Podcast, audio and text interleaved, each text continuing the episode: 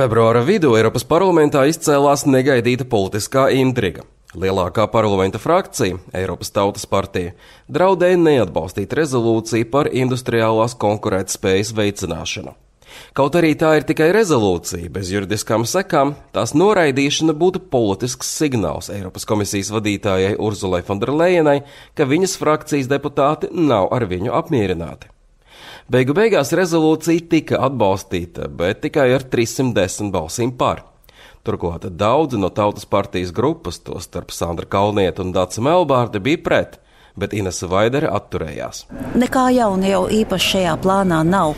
Vaidere uzskata, ka komisijas piedāvātais plāns varētu sarīdīt turīgākās un nabadzīgākās valstis jo Vācija un Francija vēlas aktīvāk subsidēt savus ražotājus, bet tādām valstīm kā Latvija tam īsti nav naudas.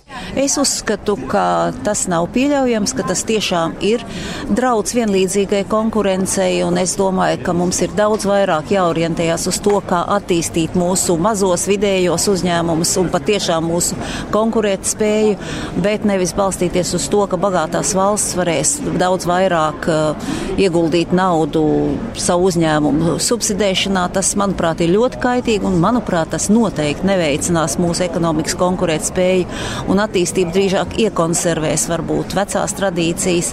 Savukārt vācu konservatīvie, kas balsoja pret industriālo plānu, drīzāk vēlējies sūtīt Fonderleinai signālu, ka viņa nedara pietiekami daudz, lai atbalstītu vācu ražotājus, tostarp auto industriju.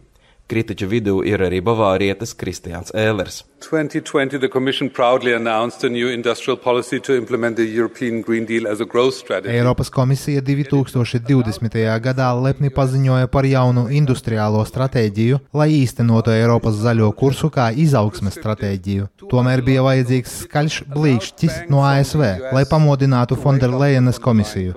Līdz šim Eiropas komisijas pieeja ir bijusi pārāk pamācoša, pārāk ideoloģiska un pārāk vērsta uz pieprasījuma regulēšanu.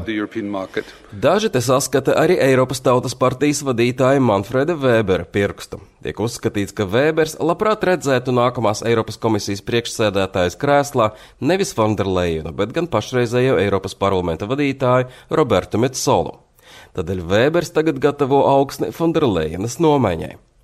Kā zināms, 2018. gada Eiropas parlamenta vēlēšanās Vēbers startēja kā Eiropas Tautas partijas vadošais kandidāts. Uzvaras gadījumā viņam vajadzēja kļūt par komisijas priekšsēdētāju. Tomēr valstu līderi pēdējā brīdī šim amatam izvirzīja toreizējo Vācijas aizsardzības ministri Fonderleinu. Tad ir attiecības starp abiem politiķiem joprojām nav vienkāršas. Tomēr pastāv bažas, ka Metsola varētu nebūt pieņemama valstu vadītājiem, un līdz ar to Eiropas Tautas partija pēc nākamgad gaidāmajām vēlēšanām varētu zaudēt Eiropas komisijas vadītāju posteni. Turpretī Fonderlejenai būtu vieglāk palikt uz otro termiņu, jo viņa jau ir pārbaudīta spēlētāja. Arčuns Kanahaus Latvijas Rādio Briselē.